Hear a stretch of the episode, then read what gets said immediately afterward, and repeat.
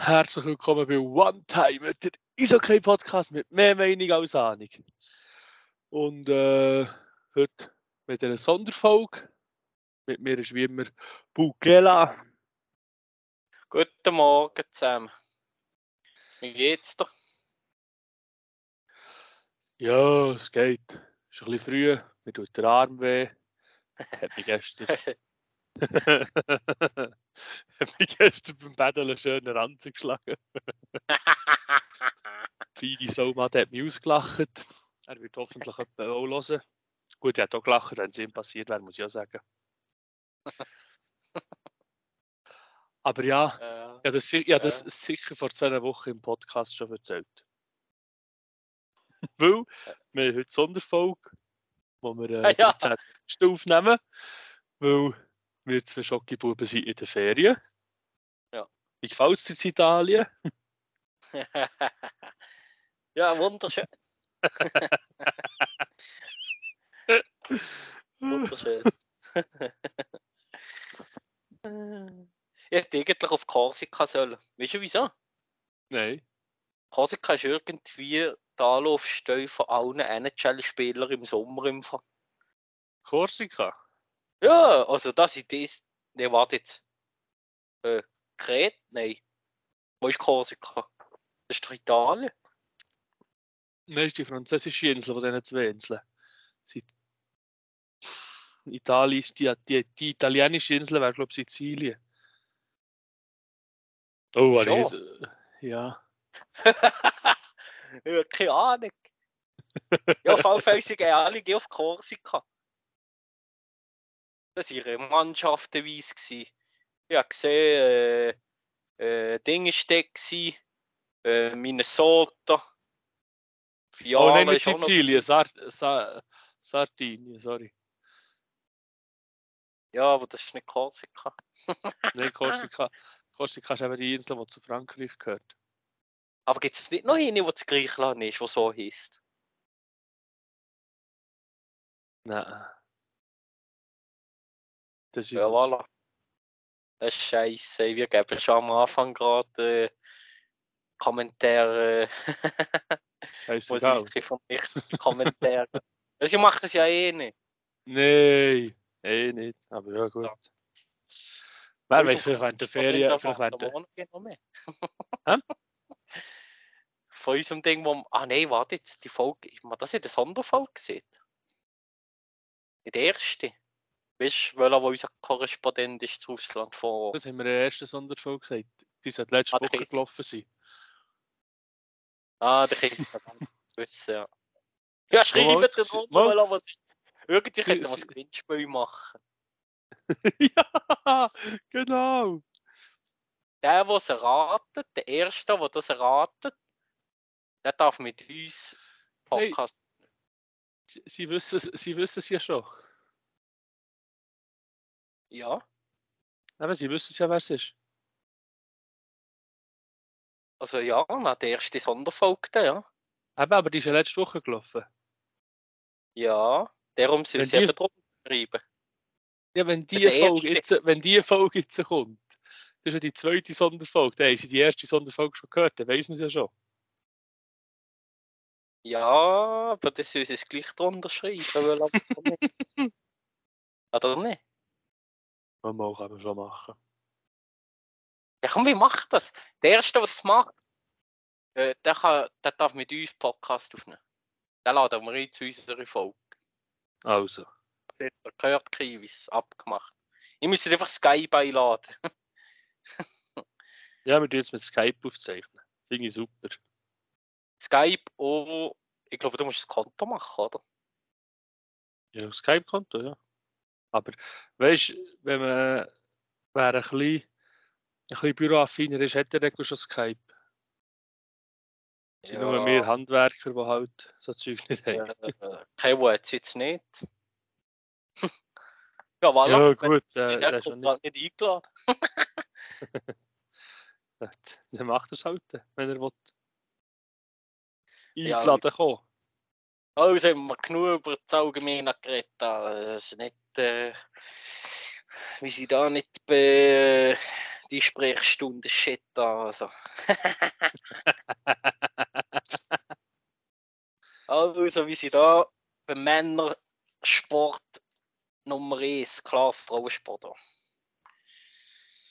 Dann ich wir American Football Podcast sind.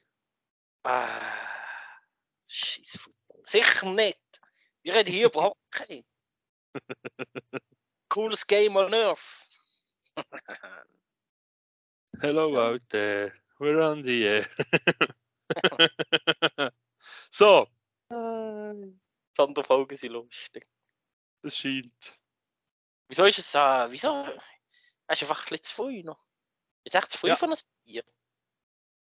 Ja, für ein Bier ist definitiv zu früh. Ja, ja, das Energy Drink kann ich neben mir. Für das geht's. So, eben, wir wollen äh, heute die National League Tabellen voraussagen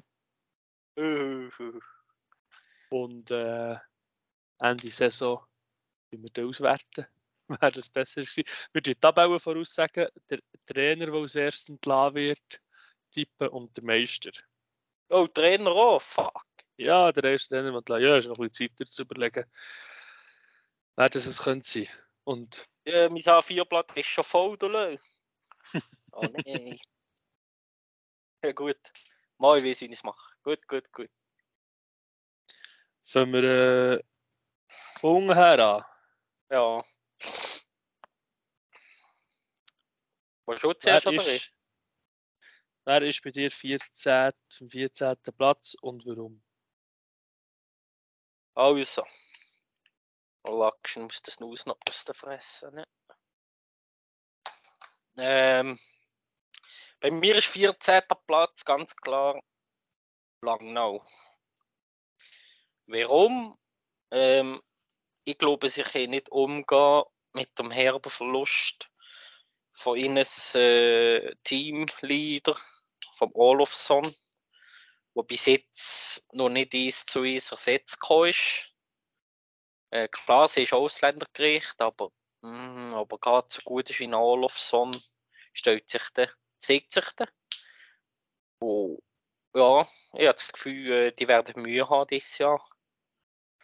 Und ja. Und bei dir? Ich habe auf dem 14. Platz klassisch den Aufsteiger Kloten. Wieso denn? Ich habe das Gefühl, dass es mit dem Aufstieg, dass es, äh, die Veränderungen, die es gegeben hat, werden nicht helfen, für, für über, äh, über einen 14. Platz auszukommen, weil sie haben bei den Tigers und bei Aschua, ui, Entschuldigung, Äh, äh, äh, ich bin bei den Tigers und bei. Aschua Spieler geholt, die, die dort im Prinzip nicht mehr länger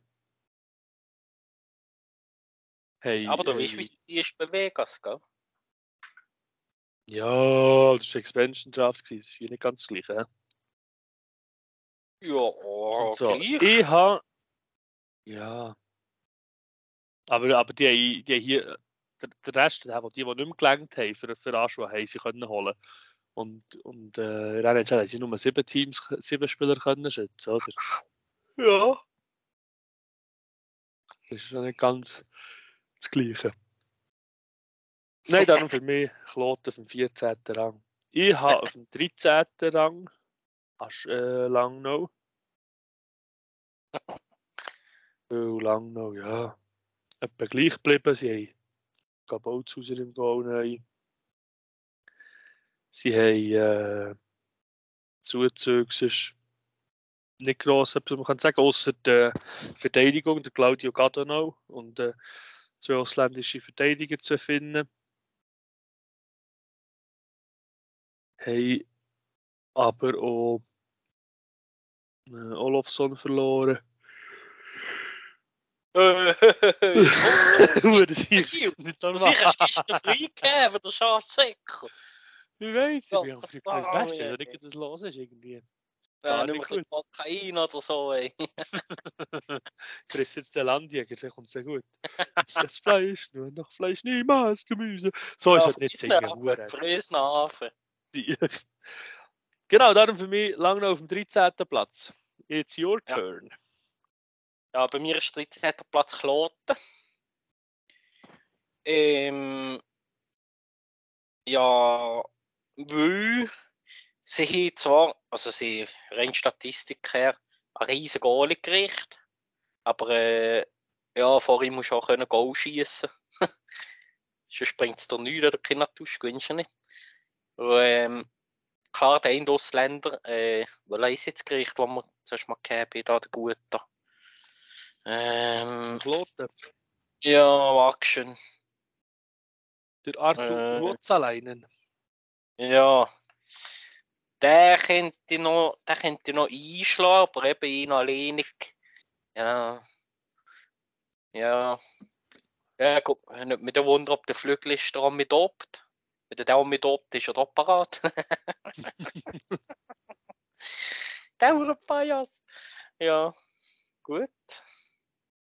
Und dann, ähm, ja, auf dem 12. Platz habe ich Achoy. ah, schon. Ähm, ja, ich habe das Gefühl, sie werden schon ein bisschen besser sein als Kloten, aber wie du gesehen hast, weil sie in Spielen, die nicht mehr gelangt zu Kloten abgegeben haben. Äh, dadurch haben sie viele neue Zuzüge können holen Von anderen Teams so, junge, dynamische Spieler. Und ich finde, Ausländer ist ein bisschen besser gerichtet als Kloten. Darum 12. Platz. Ich Ja. habe auch schon auch auf dem 12. Platz. Weil ich das Gefühl habe, dass die mit, äh, äh, mit Hazen Devos, wo letztes Jahr die unglaubliches Pech haben mit den Verletzungen, Ja,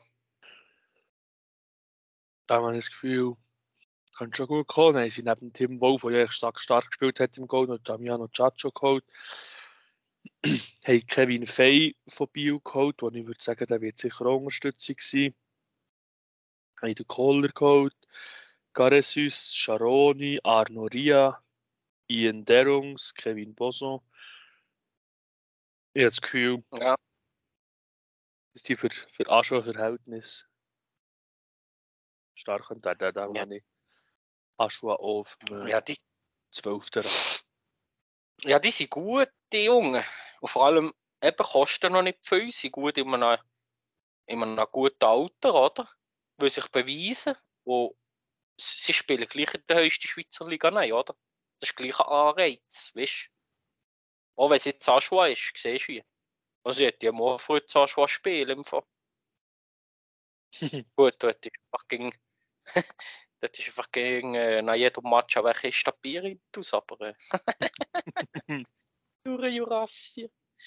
Ja. So, Warte jetzt. ja, mi- Ja. ja, gut. Äh, jetzt bist du auch dran, oder? Mit dem 11. Ja. 11. Rang habe ich als HC Ambri Piotta. Und zwar, ja, Zuzüge, die sie haben, sind nicht, nicht sehr grossartig, sind Ausländer hauptsächlich, wobei der Duca hat immer ein glückliches Hand oder ein, ein gutes Handling gehabt, mit den, mit den Ausländerpositionen zu besetzen. Aber ich habe das Gefühl, der Abgang von...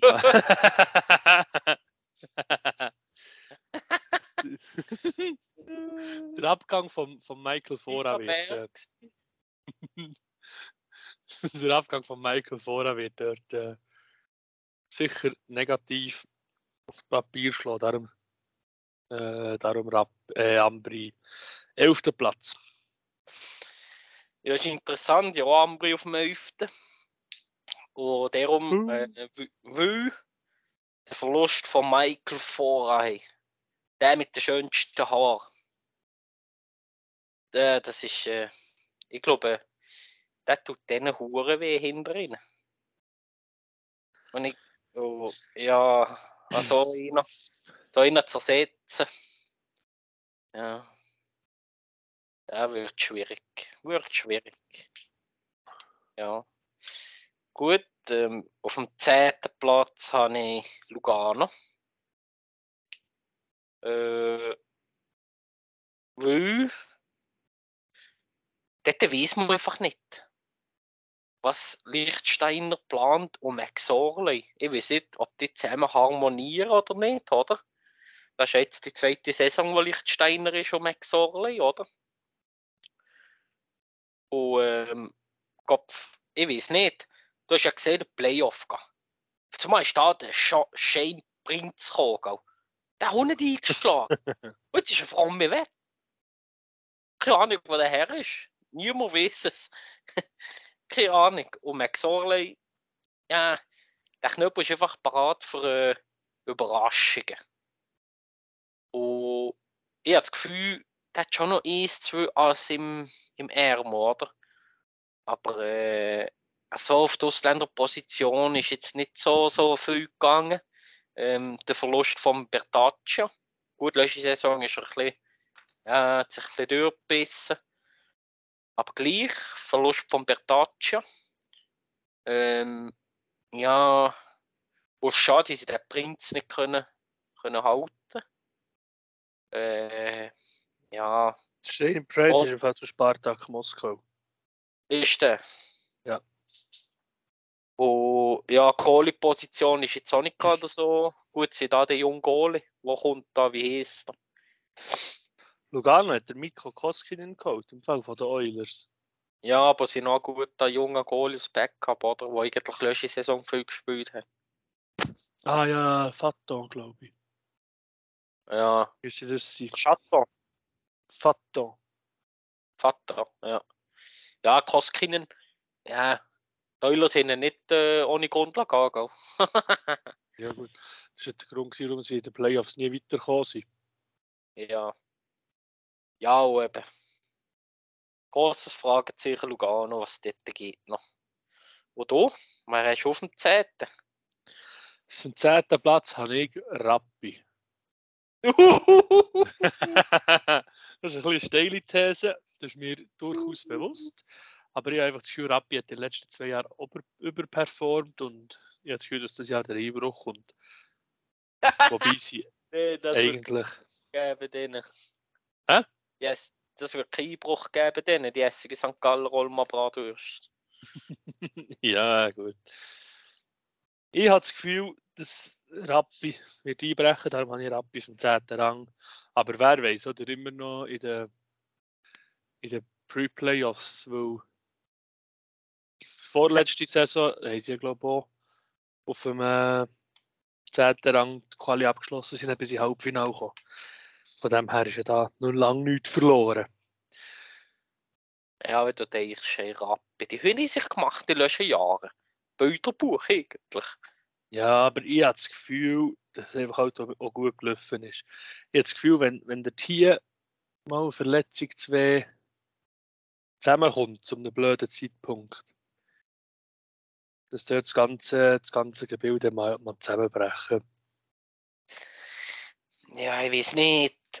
Aber, äh, oder wenn du denkst, klar, ähm, Ausländer nicht schlecht, aber äh, die Jungen, ja, wenn du einen, wenn du zwei dabei hast, die heissen Wetter aus Nachnamen, wo einer Moses.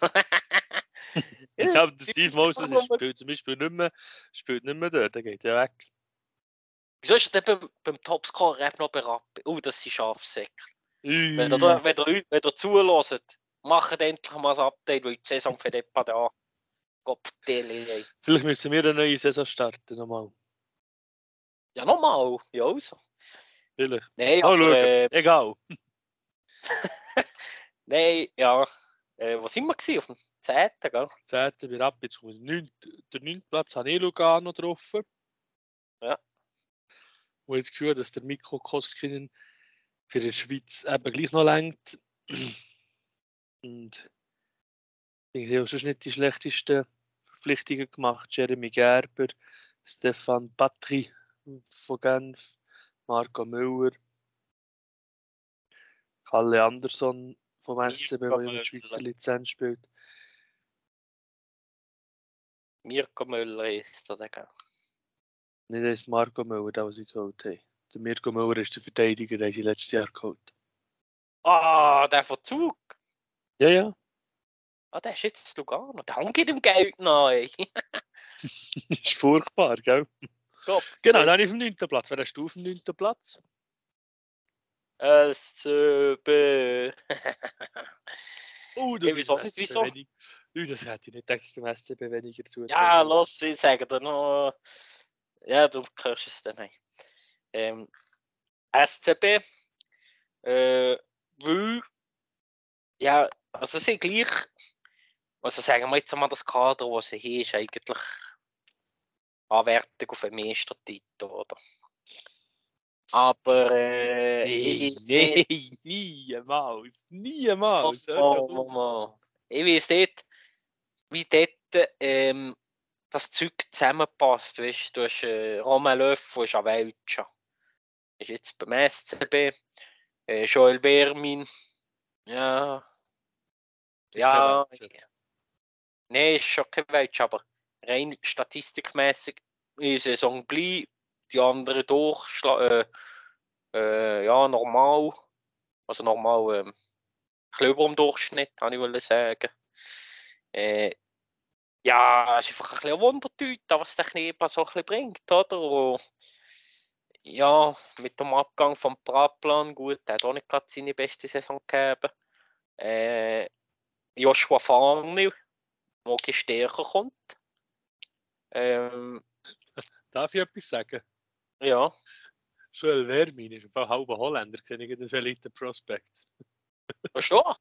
Ja. Er hat ein bisschen den Kopf wie ein Holländer. Und, und hast du gewusst, dass, dass der zwei Saisons, zwei Saisons für Tampa Bay Lightning im Einsatz gestanden ist? Eine Saison sechs Spiele und Ja. in der anderen Saison 18 Spiele. Habe ich nicht gewusst. Ja, ist schon. Mama. Wasilewski hat man auch gesehen, gegangen mit der Schweiz. Tust man ja gleich nie in einem Training. hey, äh, Entschuldigung. äh, die Frage ist, ob der Wüterich ähm, jetzt mal ein bisschen besser zur Züge kommt. Also, Lejar hat er ja gespielt meistens. Finde ich ja gut vom SCB, dass sie mal die jungen Goalie nicht. Äh, gut, das machen sie eh. gegen. Äh, hast ja gesehen, äh, Marco Bühr jahrelang Nummer 1 gsi, gut, der Schweizer Goalie gsi. Ähm, und die haben ein das Händchen von das, dass sie einfach Goalie ich weiß auch nicht, einfach, die einfach Schweizer Goalie. Klar, sie haben auch indische Ausländer gegeben, oder? Ja, das ein paar Jahre Äh, ist schon. Ja, Aber es wäre jetzt auch, es wäre, es Wüterich- wäre so blöd, wenn wir sie nicht auf den Wüterich würden setzen. ja. Ich habe das Gefühl, der wir ein bisschen berechtigt auf dem 9. Platz. Äh, wie der Wüterich, ähm, ja, vielleicht nicht gerade noch, noch nicht gerade der Top-Goalie wird sein. Wobei in der Verteidigung äh, mit dem Unter Sandro Löffel, ja, gut, äh, Bido Gerber hat gehört. Nein, hat er nicht. Was? Hat er nicht. Er spielt das Jahr noch. Der Bert Gerber, Ja. der hat gehört. Nein. Hey, der gehört. Sättiger Scheissdreck. Der Bidu, der Bidu Gerber, der gehört, oder? Nein, hat er nicht. Er wäre mit Abgängen getroffen. Ist er aber nicht. Was hat der noch mal ein Ja, Jahr mit- verlängert? Er hat das Jahr unterschrieben noch, ja.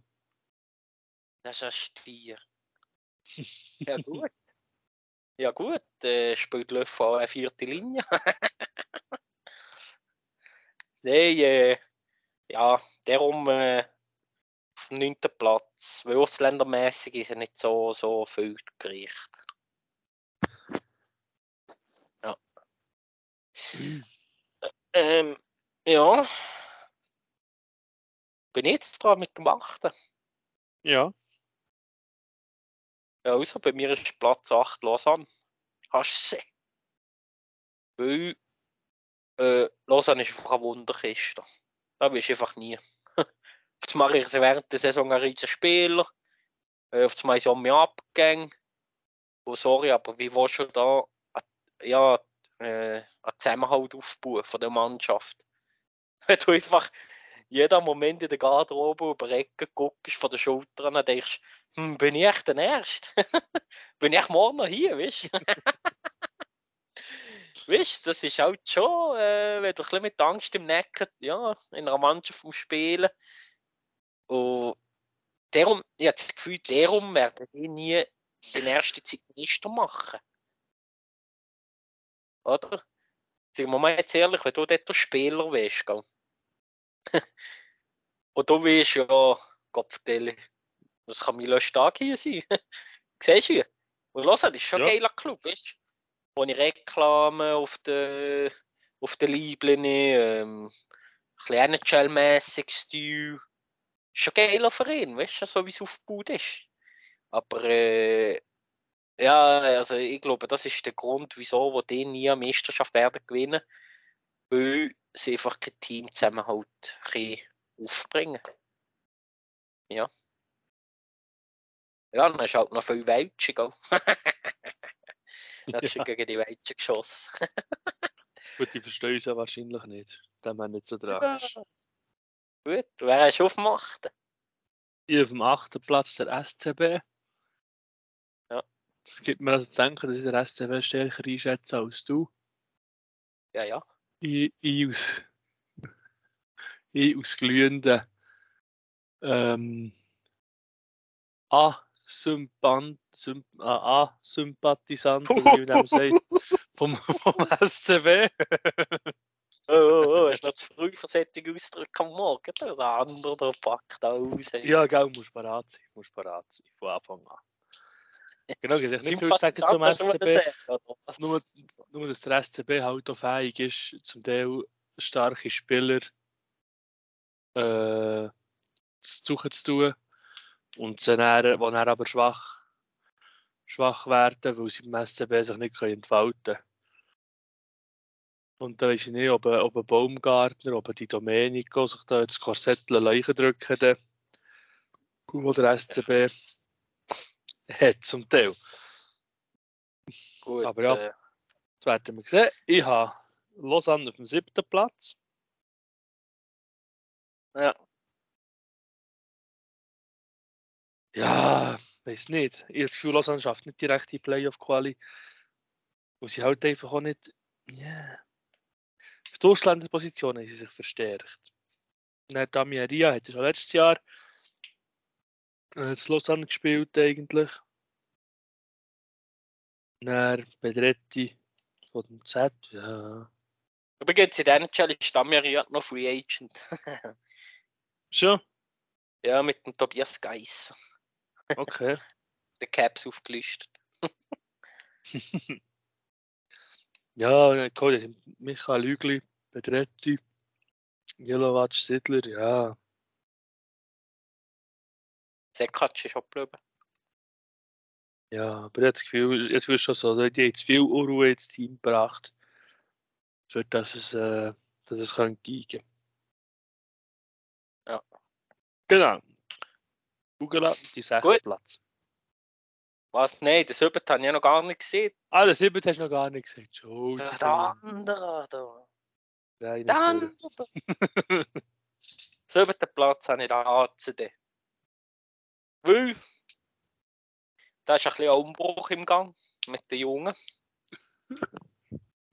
Oh, ja, Ambül wird ja im nächsten Part auch mal hören. Der muss noch mal äh, mehr und Geissen füttern. Oder? Der kann nicht gegen. Äh, siehst du wie? Wenn der einmal hört, äh, ja. Ja, ist ein riesen Leistungsträger auch. Äh, siebter Platz ähm, kommt noch darauf an, was Joe Fonten will. Ganz drauf an, auf den Zuzug bei mir. Der kommt, momentan ist er noch Free Agent. Wenn der sollte kommen, ja, dann denke ich, dann gibt das der Mannschaft schon einen riesen Push. Aber wenn der nicht kommt, dann sind sie berechtigt auf dem siebten Platz, finde ich.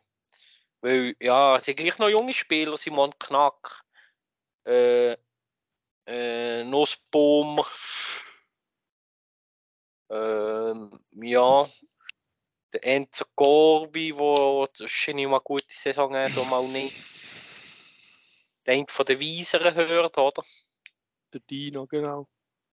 Ähm, Ja, Ausländer Matej Stranski. Ist gut gewesen. Ist eigentlich den Brome können behalten. Nein. Ja, eben. Und dafür der Stranski. Ähm, Baluschei. Äh, ja. Ja, nicht mir mal wunder, aber äh, berechtigt auf dem siebten, ja. Und jetzt kommen wir nicht zum sechsten, da. Äh, Brome ist zu Örebro. Ja. Äh, ja, jetzt kommst du zum sechsten. Am sechsten habe ich Rappi. Äh, weil, weil, äh, wegen Cervenka. Ähm, ja, du hast ja gesagt, die Playoffs, oder? Gegen den HCD, dann lösche ich Saison. Äh, ihm ist es nicht gelaufen, sie haben ihn gut aus dem Spiel genommen. Rappi am Arsch, oder? Und äh, Rappi baut einfach sehr auf Cervenka. Klar ist es ein riesiges Spiel, oder? Aber du musst noch um ihn herum als Team können aufbauen, falls der nicht um ist. Siehst du wie? Ja. Und darum, äh, ja, für mich auf dem sechsten Platz. Wo bei dir? Ich habe am sechsten Platz der HCD.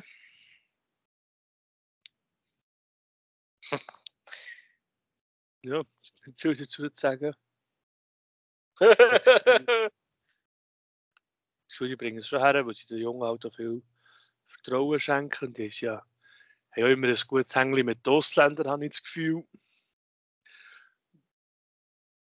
Äh, was ich dort gelesen habe, der Claude Gurtin Baschu hat einen Vertrag, einen Tryout-Vertrag bekommen für sechs Wochen. Gut, das ist jetzt halt auch schon wieder zwei Wochen her, wenn ihr es gehört. Vielleicht jetzt da schon etwas da, da ich nicht gedacht das wird auch einer von den armen Siechen sein, der nicht mehr spielen kann. Ur-Davoser ist Davos geboren, oder? Wird auch einer von denen sein, der auf einmal, äh, mal keinen Vertrag mehr hat, wegen der neuen Ausländerregelung. Er muss, er muss in Davos, der wird einen anderen Ort sicher einen Vertrag bekommen, habe ich das Gefühl. Aber die haben natürlich jetzt so einen zweiten ausländischen Verteidiger geholt, neben Nygren, der äh, Klaas Dahlbeck. Ja. Habe ich noch so ein bisschen traurig gefunden. Aber ja, noch. So geht's halt. Nicht wahr? Ja. Genau. Auf dem fünften Rang habe ich meinen Götterverein, der EHCB. Zieh die Brille ab. ja, Schafsäck, bei dir steht der Z sicher für mich. Das tut nicht so. Nein, eben nicht. Jetzt hab Bio ist nicht viel gegangen. Bio ist eigentlich gar nicht viel gegangen. Man hat einen ausländischen Goalie geholt, weil der Van Pottelberg die längste der Saison wird fehlen. Junge Verteidiger geholt, Olofsson man geholt, Van Pöttelbergi.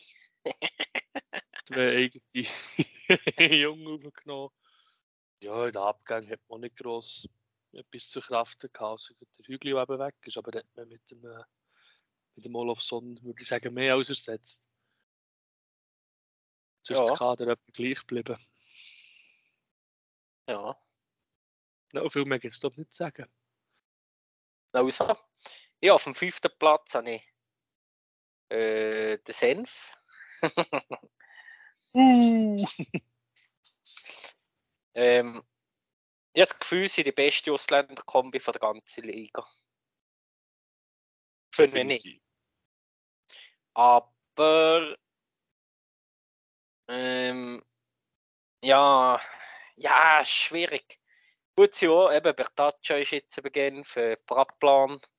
Äh, die eigentlich als Blei-Kader. Wenn du so willst sehen, rein, rein von den Namen her, oder? Aber ich habe das Gefühl, die Goalie-Position wird noch ein bisschen äh, das Knick brechen. Ähm, Deklu, der ging gerne ein bisschen verletzt ist, der eigentlich ein guter Goalie wäre. Äh, und ein Backup ist der Robert Meyer. Ja, wir wissen, wie der Robert Meyer auch ist, oder? das ist ein Wundertüte im Goal, oder? Und, ja, wenn es so ein bisschen um knappe Spiel wird gehen, musst du eigentlich schon Goalie haben, was äh, wo Rückhalt gibt und gegen Führer äh, Sicherheit ausstrahlt. Und ähm, ja, das kann Meier auch nicht so überbringen, habe ich das Gefühl. Und darum, ähm, ja, trotz diesen guten Ausländer wird von mir gerne auf dem fünften Platz abschließen, ja. Genau. Ähm, ja, kommen wir zum vierten.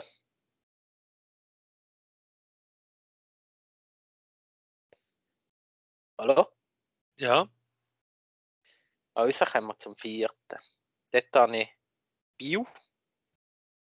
Weil ähm, sehr ausgeglichene Linie finde ich. Ähm, riesen Zusammenhalt finde ich. Also strahlen sie gegen raus. Zusammenhalt ist super. Äh, Teamplaying. Geiler Trainer, muss ich sagen. Äh, dann ist einfach fragwürdig, was da so ein bisschen Damien die Nase Brunner auspackt, oder? Äh, letzte Saison eine riesige Statistik hergelegt heute, wenn er nicht gerade in der Landung war. äh, ja. Geht da Haas, der hoffentlich äh, um ein bisschen, ein bisschen spritziger zurückkommt. Da. Letzte Saison ist nicht so man hat ein bisschen mehr erwartet, glaube ich, von ihm zu Bio. Letzte Saison. Ja, er hat, er hat, er hat im, äh, im Abschluss hat er viel Pech gehabt. Aber er hat, hat der Speed und so hat er schon, hat er schon reingebracht. Aber eben da auch mit dem Kessler und so sind recht gute Junge. Äh, der Dölemo, äh, Schneeberger, ähm, Goalie-Position ist. Schneeberger, Schneeberger ist 34. Jawohl, aber das ist eine Routine, der bringt äh, ruhig, Ruhe ins Spiel. Und vor allem mal in der Defense, oder? Wenn du, ja, ich sehe jetzt noch neben Schneeberger noch mit dem Delemont. Weißt du, siehst wie Ja. äh, mit einem Jungen, der ein bisschen, ja, ein bisschen, oder? Entwickelt Er, so. er, er hat viel der Forster oder der mal eine Linie lassen spielen letztes Jahr. Ja, das ist natürlich auch gut, ja. Und, Ja. Ja, ich finde, Bio hat wirklich vier ausgeglichene Linien, finde ich. Äh, klar, Ayala ist jede Saison gut. Ähm, ja. Ich sehe jetzt noch der Molofson. Oh ja, jetzt kommt noch der Olofsson. Genau. Ja. Bin gespannt. Ja, gut. Jetzt kommst du schon, dritter Platz. Nein, viert. Was? Nein, vier Viert. dann ja gar nicht. Ja, aber der viert, darf ich mir viert auch noch sagen, oder nicht? Hä? Darf sagen. oh, Achtung, jetzt, jetzt geht's Ja. an die Wurst. auf dem vierten Platz Genf. Das gibt mir zu denken, dass du Bio besser einschätzt als ich. Hure Sieg nochmal. Ja, ja. Wir auf dem vierten Platz Senf, weil ich habe das Gefühl, wenn der Tömmernes in Verteidigung steht, dann macht jeder Goalie gut. oh, Nein, weiß doch nicht, aber das Gefühl. Wenn der auf dem Transfermarkt ist vom Topscorer selbst, da wird Geld fließen. ja, ganz vielleicht. Dann Timo Hartig, keine, was ich noch geholt habe. ja, Mark, ich heisst ja noch. Bulio, der jetzt Schweiz, mit Schweizer Lizenz kann spielen kann. ist das in der Eiche? Genf richtet auf das Mann ausländischer Goalie. Aber ich weiß nicht, ich finde, der Meier hat letztes Jahr nicht schlecht gespielt, zu lange noch. Ja, Etwa die mal, etwa die mal einen Flop gehabt, aber sonst. ja eben. Wenn es um die Wurst geht, kannst du dir das nicht erlauben. Du hast ja gesehen, wie irgendwo die Huren Playoff-Match waren. Weil wir reden hier nicht von Play, wir reden hier nur von, von, von Regular Season. Ja, aber gleich. Du musst ein bisschen weiter überlegen, oder? Wenn du als Team, als Team zusammenbaust. Du musst dann ja führen denken. Hm. Ist echt der Goalie, kommt recht klar mit Playoff, alle zwei Tage Match. Äh, ja, bringt dort die Leistung rein noch. Ja, siehst du wie. Oder? Ja. Da musst du ein bisschen führen denken. Und ich weiß nicht, ob Genf das jetzt schlau gemacht hat mit dem Meier. ja. Gut, eben, vielleicht täuscht er mich ja. Vielleicht wird der eine Saison herlegen. Gell? Ja. Ja, gut. Gut. Also, dritter Ja. Rang Uh, geht aufs Podium. bin ich oder du? Ich. Auf dem dritten Rang habe ich der EVZ.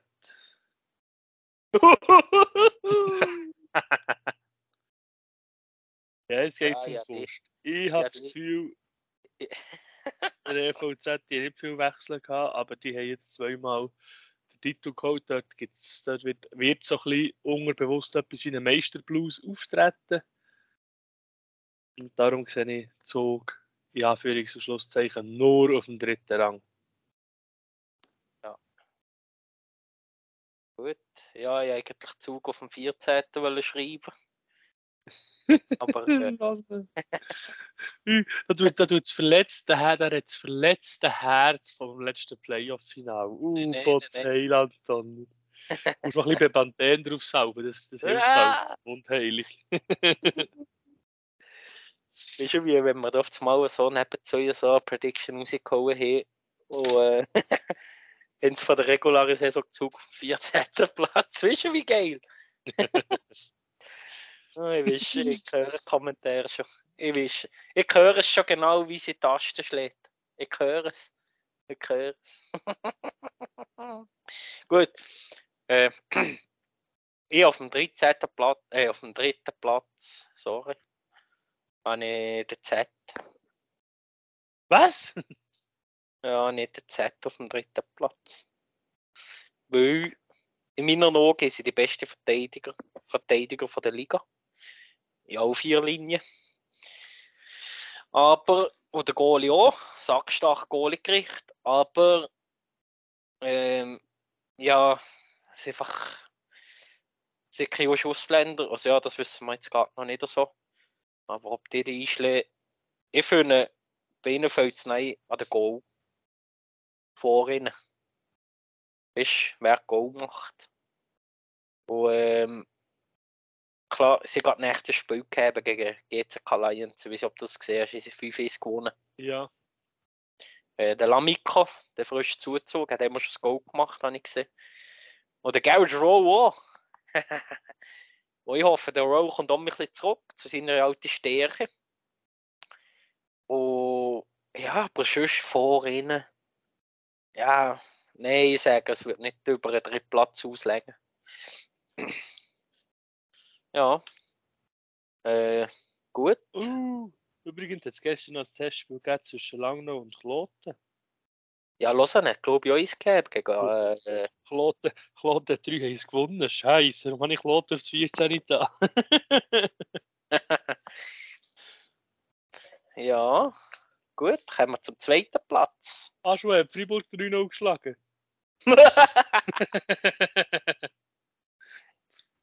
so, Entschuldigung, tut nichts zur Sache. kommen wir zum zweiten Platz. Habe ich den EVZ. Uh, weil, weil äh, ich habe das Gefühl, das ist gleich die Mannschaft, die am meisten Konstanz hat von der ganzen regulären Saison. Äh, dann habe ich geschrieben, Genoni fragt sich. ich habe das Gefühl, der kommt doch langsam ein bisschen müde. Mensch, nicht? Sollten sie sich dort nicht einmal ein bisschen äh, um einen Backup-Goalie bemühen? Klar, sie wiederholen die, wo eigentlich hat bleibt. eben stark gespielt. Ist- Ja, wieso? Wenn ich jetzt Manager wäre von Zug, würde ich jetzt Genoni ein bisschen zurücknehmen oder wenigstens halb-halb machen, oder? Und jetzt ein bisschen den Holstein äh, spielen, weil vertellen, wenn der Genoni Pension geht, gell? Äh, und dann der Holstein gerade von 0 auf 100 jeder Match muss spielen. Oder? Äh, da sehe ich schon ein bisschen das Problem beim EVZ. Gell? Hollenstein zwölf Spiele gemacht letztes Jahr im Fall. Ja, Nummer. Das ist nicht viel. Im Fall. Das Goal. 52. Ja. Immerhin Das ist 20 Prozent. ja, ja, er hat eine riesen Leistung. z- Also in diesen 12 Matches. Pure Statistik abgelegt. Aber ja, eben, wie gesagt, der Genoni muss einmal weg. Der muss einmal hören. Ja, das kommt mir, geht mir langsam auf den Sack. Ey. ja. Der er ist 34, der wird uns noch ein paar Jahre erhalten bleiben. Ja. Aber so ein bisschen meine, meine Voraussage ist, Giannoni wird sich verletzen in der, während der Saison. Das ist so ein bisschen. Ja, Gau 34. Äh, die Körper, ja. Ja. Kommt langsam auf Baustellen, oder? Darum, äh, ja. Ja, das ist meine, das ist meine steile Prognose. Giannoni verletzt sich während der Saison. Hey, jetzt angenommen, das stimmt, gell? ja. Dann, bekommen wir, dann müssen wir das etwa zwei oder drei Jahre nacheinander herbekommen, dass das genau so stimmt, dass du, dass du sagst, der wird sich verletzen und er ist es genau so. Dann bekommen wir Tausende von Franken, dass wir ja nicht einen Spieler sagen vom jeweiligen Team, Ja. der sich verletzt. Das ist dann so der, der One-Timer-Fluch. Ja, gut, eben mit Klingberg hinterhin hast du eh verloren. ja, das Action müssen sein. Das Action müssen der sein. Klingberg ist Stürmer im Fall. Ah, schon, siehst du jetzt, wie der so wenig mich interessiert. Du weißt eben, wo er spielt. Ah, nein, der? Bruder ist ein Verteidiger. Gott, verteidigen. Ja. Ja, ja. Wieso verwechseln die zwei Pajassen jedes Mal, ey? Äh, Keine Ahnung. ich würde, die hätte gescheiter den, oh, jetzt wie der? den John gerichtet statt der Karl. Johnny Staccali. So, zweiter Rang habe ich ZSC. Ui! Die werden heiß kommen. Sie, weil sie letztes Jahr Playoff-Final verloren haben. Aber gleich habe ich das Gefühl, der ZSC hat in der Regel während der Saison, während der Regular Season mal einen Einbruch, wo sie Phasen haben, wo sie nicht so gut spielen. Oder wieder Gerüchte umgehen, dass der, der Grönborg in KHL geht und jene hure Gescheiss ablässt und der Herzog, nein nicht der Herzog, der Barbarian der Row abstreckt und dass der, der Grönborg nachher am Fluchen ist und ja, wie man es auch kennt. Darum für mich der ZSC auf dem zweiten Platz. Erster Rang habe ich Fribourg, du auch. Ja. Wer aufpasst hat, wer aufpasst hat, hat es, hat es gemerkt. Und Ja. das erstaunt mich auch so, wenn wir die letzte Sonderfolge haben, dass du Freiburg auf dem ersten Rang hast. Ja, Aber ich muss so sagen, Quali-Sieg geht für mich klar an Gottero. ja, eben leider. Eben leider. Weil ich nicht anders etwa aus dem gleichen Grund wie ich aufgeschrieben, das beste Kader von der Liga. Ja. Das Was beste Regular Season Kader der Liga, muss ich so sagen. was die Gerichte haben. Äh... Gut, ich habe noch aufgeschrieben, Druck, Fragezeichen, weißt? Ähm, ja, ob der Typ die Mannschaft in die Sonne kann halten, du? Sie haben jetzt gleich Riesenbrecher gekriegt, gell? Aberci, äh, ähm, Sörensen, äh, Kurkannen, äh, äh, Delaros, äh, Vera in der Kiste. Ähm, ja, also ich glaube, Freiburg spürt, würde einen kleinen Druck schon spüren, weißt Mensch. du? Mm, denke ich es. Ja, hey, weißt du, hey, ja, nicht wissen, wie viele Millionen, die die das Team pfeffert haben auf die Saison. Also ich glaube, das ist auch wenn mit Abstand am meisten Geld geflossen. Eben Motte auch noch verlängern. Sprung. Ja, vor allem, vor allem Bergi verlängert bis Saison 28, 29. Ja, ist ja nicht normal. Motte verlängert bis 26, 27. Ja, es, es geht. Ja, da ist Geld geflossen, ich kann dir sagen. Du. Und da muss jetzt etwas herkommen. Und wenn, wenn man, Eben, Quali-Sieg, wenn man Geschnurr, sind wir mal ehrlich? sind wir mal ehrlich, Quali-Sieg. Also, das ist eines Ziel, nicht mehr mit dem Kader, oder? Aber ich habe das Gefühl, Gut. das Ziel ganz klar von weiter oben ist auch der Meister, Meistertitel. Mhm. Und ich weiß nicht, ob das, äh, ob die mit dem Druck, ja, klar kommen. Aber ja, Gott für Beled hieß auf die Saison. Also ja, eigentlich auf Playoffs.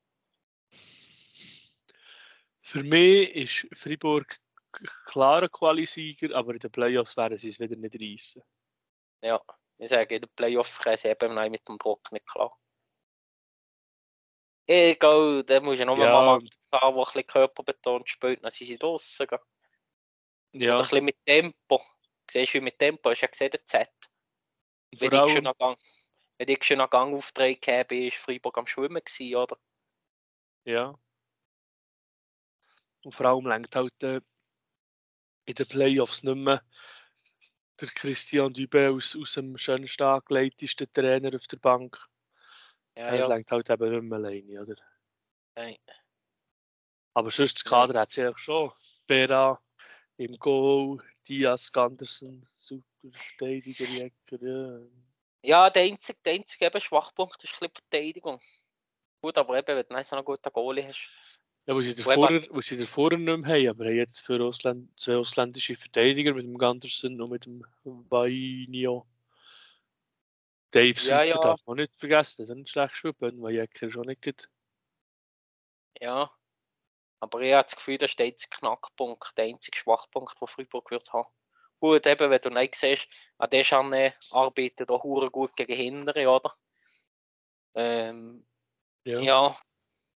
Sörensens Spiel Spielstil weiß ich auch noch nicht genau. Habe ich auch noch nicht gesehen spielen. Ähm, ja, nicht mit ein Wunder, nicht mit ein Wunder. Gut. Ähm, was kommen wir jetzt zu der Meister, Meister Prediction? Nein, komm, zuerst immer, zuerst immer der, der Trainer, der als erstes entlassen wird. Ja, also. Musst du zuerst, Also. soll ich zuerst? Ja, tu du zuerst. Ich noch nochmal überlegen. äh, für mich ist ganz klar, oder ganz klar, mal, mal, jetzt muss es so kommen, dass äh, die Investoren bei, bei Lausanne die Geduld verlieren und der John Fust nach 20 Spielen entlassen wird. Ja, er war schon ein bisschen auf der Kippe. Gewesen? Ja, ja, und wenn das Anfang Saison etwa nicht geigert, nicht gut läuft, dann will Zeiland Tonnen tschüss und weg. Ja, ist noch schwierig. Mit den Trainern haben wir jetzt zu wenig befasst in der Schweiz. Aber ähm, ja, ja, ja, ist noch schwierig. Ich, ich sage jetzt einmal Steilprognose. Oh, oh, oh, Achtung, Achtung jetzt. Ich sage, Freiburg wird eher Geduld verlieren mit den Düben, obwohl sie verlängert haben mit. Jemals, der Typ ist noch selber Sportchef, vergiss es. Ja, eben darum so steil. Nein, aber sagen wir jetzt einmal eine realistische Ding, Prediction. Ähm, ich sage, ich sage, ja, ich sage gleich der SCB.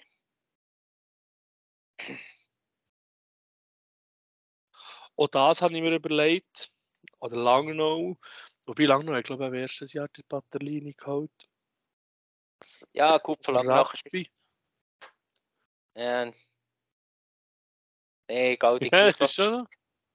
Gau Rappe gleich noch das Poster, oder? Der Trainer hat jetzt Huren gerissen, die letzten Jahre mitnehmen. Der hat schon ein bisschen das Poster, weißt du, da machen sie schon nicht gerade zu gehen. Aber der SCB, wie lange ist jetzt der Ding dort schon? Wie heisst er?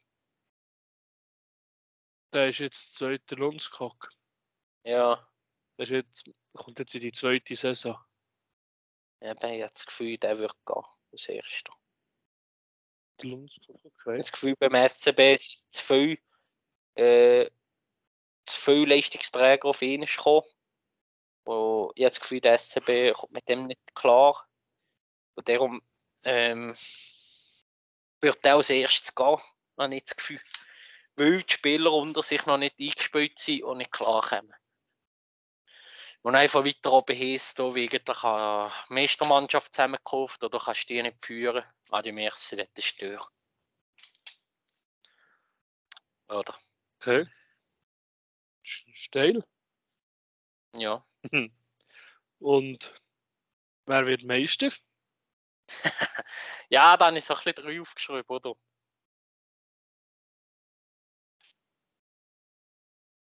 Du musst dich für einen entscheiden, aber. Ja, ich weiß, ich weiß, ich weiß, ich weiß. Wer hast du aufgeschrieben? Das darf ich dir fast nicht sagen. ja, du hast, fast, du hast sicher nicht die gleiche wie ich. Mm. Habe den ZSC aufgeschrieben. Uh! Ja, Freiburg, Freiburg wird es ganz sicher nicht.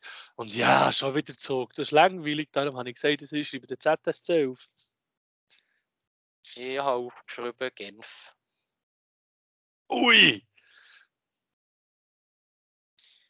Genève Servet würde es machen. Ich möchte es nicht brutal gönnen. Ja. Ja. Nein, ja, ich habe das Gefühl, Genf, ja. Sagen wir mal ehrlich, wenn die Ausländer um mich so einschlägen, als wie Löschi-Saison, Vatanen, Filppula, Tömmernes, äh, Winig, äh, nein, Mo, Winig? Nein.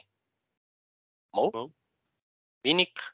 Äh, nein, Bertaccia, wo ein neuer Club, der sich will zeigen Praplan, neuer Club, oder? Äh, du hast hinterhin den wo, wo sich die Nazi aufgebaut geschafft hat. Äh, der Roger Carrer, der besser kommt. Äh, Arno Schakmo. Ähm, ja. Ja. Riesige Mannschaft eigentlich.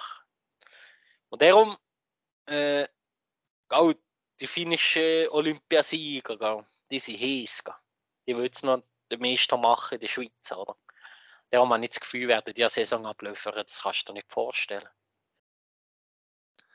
Der Philipp Poula im, im, nicht nur im Triple Gold Club ist, das Ja. Schweizer, Ja, nein, Schweizer alles. Titel geholt hat.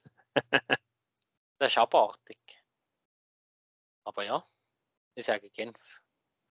Gut. Was sehen wir? Gut. Ich glaube, das wäre es gewesen.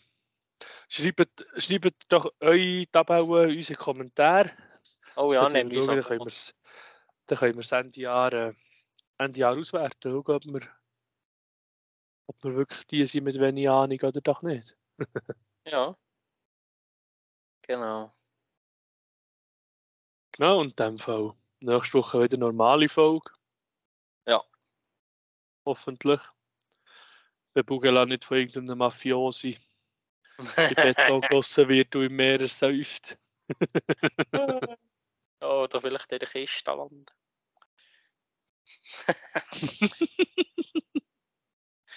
ja. Oder ich, ich bin in Schweden.